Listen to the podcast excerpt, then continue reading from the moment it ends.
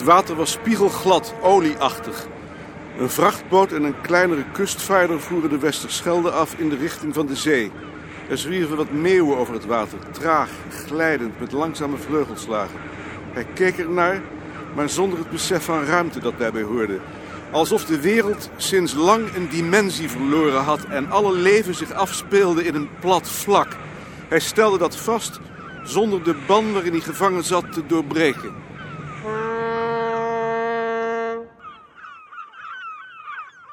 Ik ben koning van het bureau in Amsterdam. Ik heb een afspraak gemaakt om de vlegel te zien. Daarna is ze me van verteld. Houd maar mee.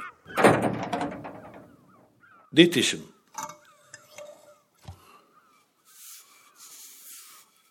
Essenhout. Ja. Maar de knuppel is dat niet. Die is van Karsenhout.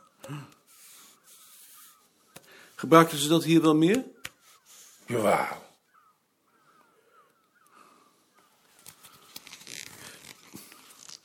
Maakten ze die kap altijd vast om twee van die bandjes? Ik toch van waar? Nooit met twee groeven in de stok. Misschien ook wel eens, maar dat is toch niet zo goed.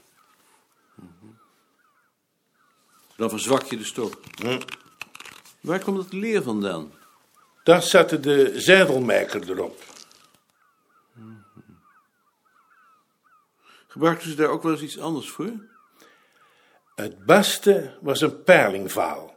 Omdat dat soepeler is. Hm. Ik wou er ook graag een foto van maken. Kan dat? We kunnen wel even in de tuin gaan.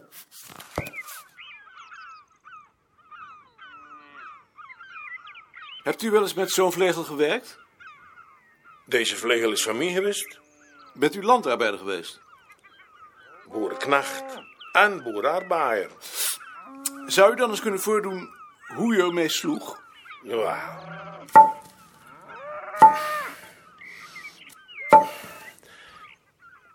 Zo deed ons dat. Mag ik het eens proberen?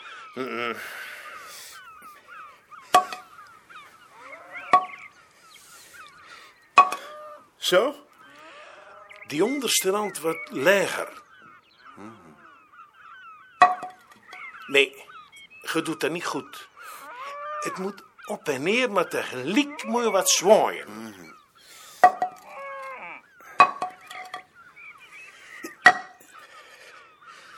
Ik begrijp het nou wel, maar ik heb het nog niet in mijn handen. Dat gaat ook niet ineens. Is dit werk nu vermoeiend? Bent met z'n drieën, dat scheelt. In, in uw eentje, dan is het heel vermoeiend. Dat heb ik ook wel eens gedaan. En hoe lang duurde dat? Van s ochtends vieren tot 's middags vieren of vijven. En dan de hele winter zowat. Tot de machine kwam. Toen was het overlopen. Begrootte u dat? Och, ik had er geen enkel aan. Ja. Ja, zo had dat. De machine heeft alles veranderd. Vroeger, bij een zomerdag, als je dan in een greppel tussen het koren stond en je keek zo over de aren, dan was het zo stil dat je de vliegen en de bieren hoorde zoemen.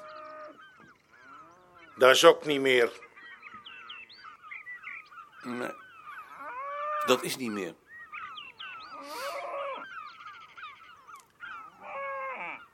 En je houdt het niet tegen. Nee. Al zou je willen.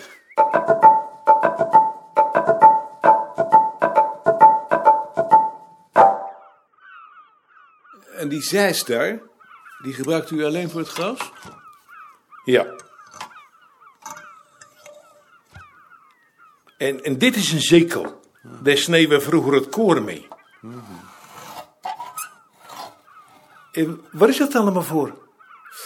Ehm, dat is voor een boekje over vroeger. Oh, op die manier.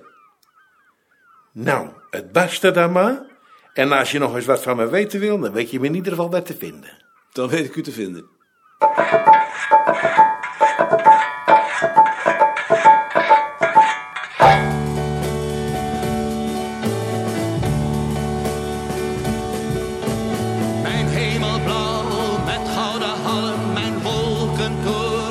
IJskristallen, kometen, manen en planeten. Ah, alles draait om mij.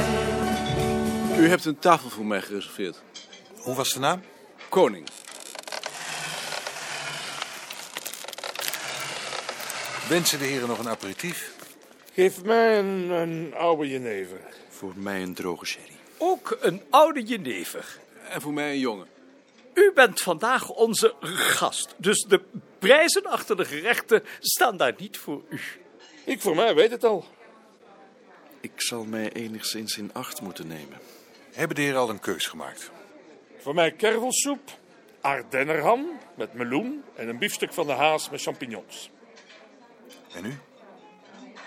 Tomatensoep en dan paté en kalfsniertjes. Voor mij hetzelfde als meneer hier.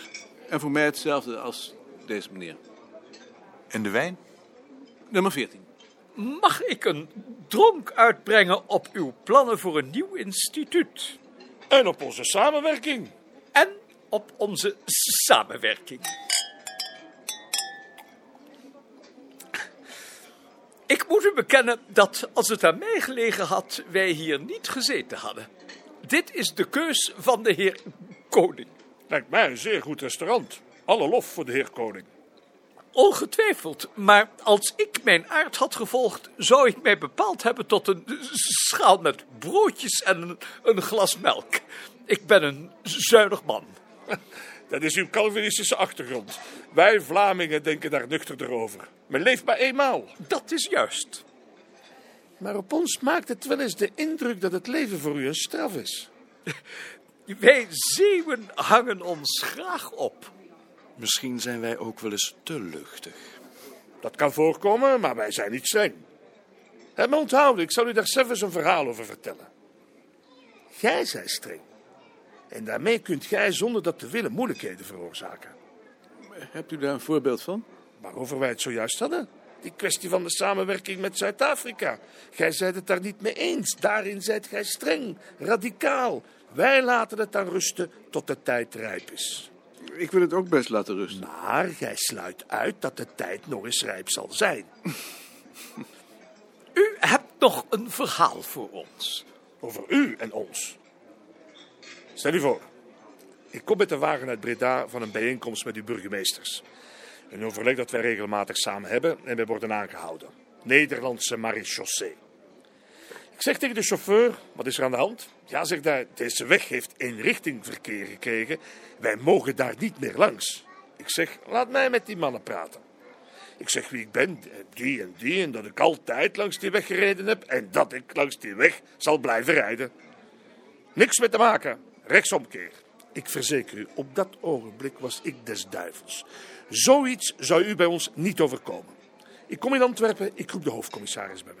Ik ben hoofd van de politie en ik zeg, Emiel, verbaliseer mij 100 Nederlanders. Dat lijkt veel, maar zoals u bij ons de verkeersregels aan uw laag slapt, dat is niet te tellen. Hij zegt, kom in orde. Om half twaalf belt. Meneer de stadssecretaris, ik heb er 104. Ik zeg, dan nu stoppen. Zo gaat dat bij ons als wij streng moeten zijn. Eén Belg tegen 100 Nederlanders. Normaal doen wij dat niet, maar als gij ons verbaliseert, dan verbaliseren wij u. Maar denkt u dat het meneer Koning anders zou vergaan als hij werd aangehouden door onze rijkswacht? Als hij mijn naam noemt, ja. U bent een onverwoestbaar man. Misschien, maar u bent dat ook, als u het wilt. Maar nu iets anders. Jij hebt mij een artikel over uw kaartsysteem beloofd. Dat heb ik niet beloofd. Dan belooft u het nu. Het is een belangrijk systeem. Het verdient een artikel in ons tijdschrift. Zeker nu u redactiesecretaris bent. Ik betwijfel of ik daar iemand een plezier mee doe. Gij zult daar zeer veel een plezier mee doen. Je hebt een miljoen fiches. Een half miljoen. Een half miljoen. Bij een systeem van die omvang is het aantal niet meer van belang. Ik ken geen systeem dat met het uwe kan wedijveren. Het publiek verdient het daarover te worden ingelicht. En wat moet daar dan in staan? Alles wat erover te zeggen valt. De organisatie, de beslissingen die u genomen hebt, uw ervaringen. Dat alles is voor anderen belangrijk. Gij onderschat het belang van wat u doet. Ik zal erover denken. En vervolgens zult gij doen En door de witte wolken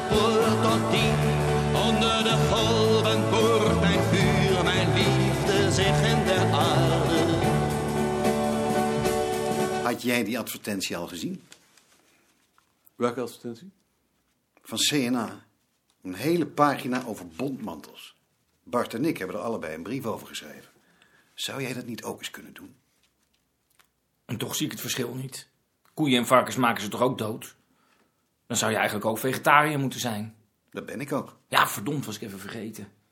Het maakt ook nog wel verschil hoe ze die beesten doodmaken.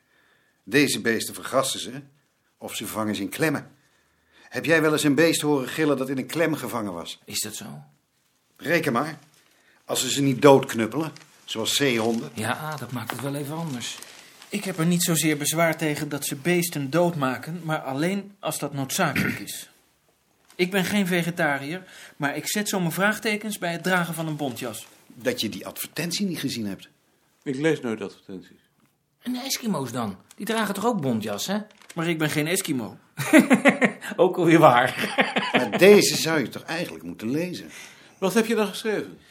Ik heb geschreven dat ik niet begreep dat een zaak die bij de opening haar personeel naar de mis stuurt om Gods zegen af te smeken, nog geen anderhalve maand later in de schepping van diezelfde God zo moorddadig ingrijpt. Heel goed. Wat vond Marion daarvan? Die vond het te ver gaan, maar ik zei: laat het me in ieder geval opschrijven. Daarna zal ik het wel weer verscheuren.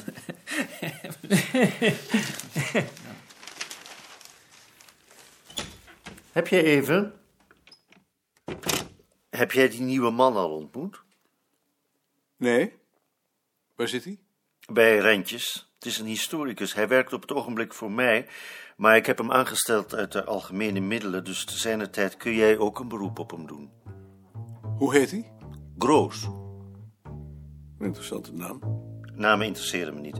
Laat me weten wanneer je hem nodig hebt.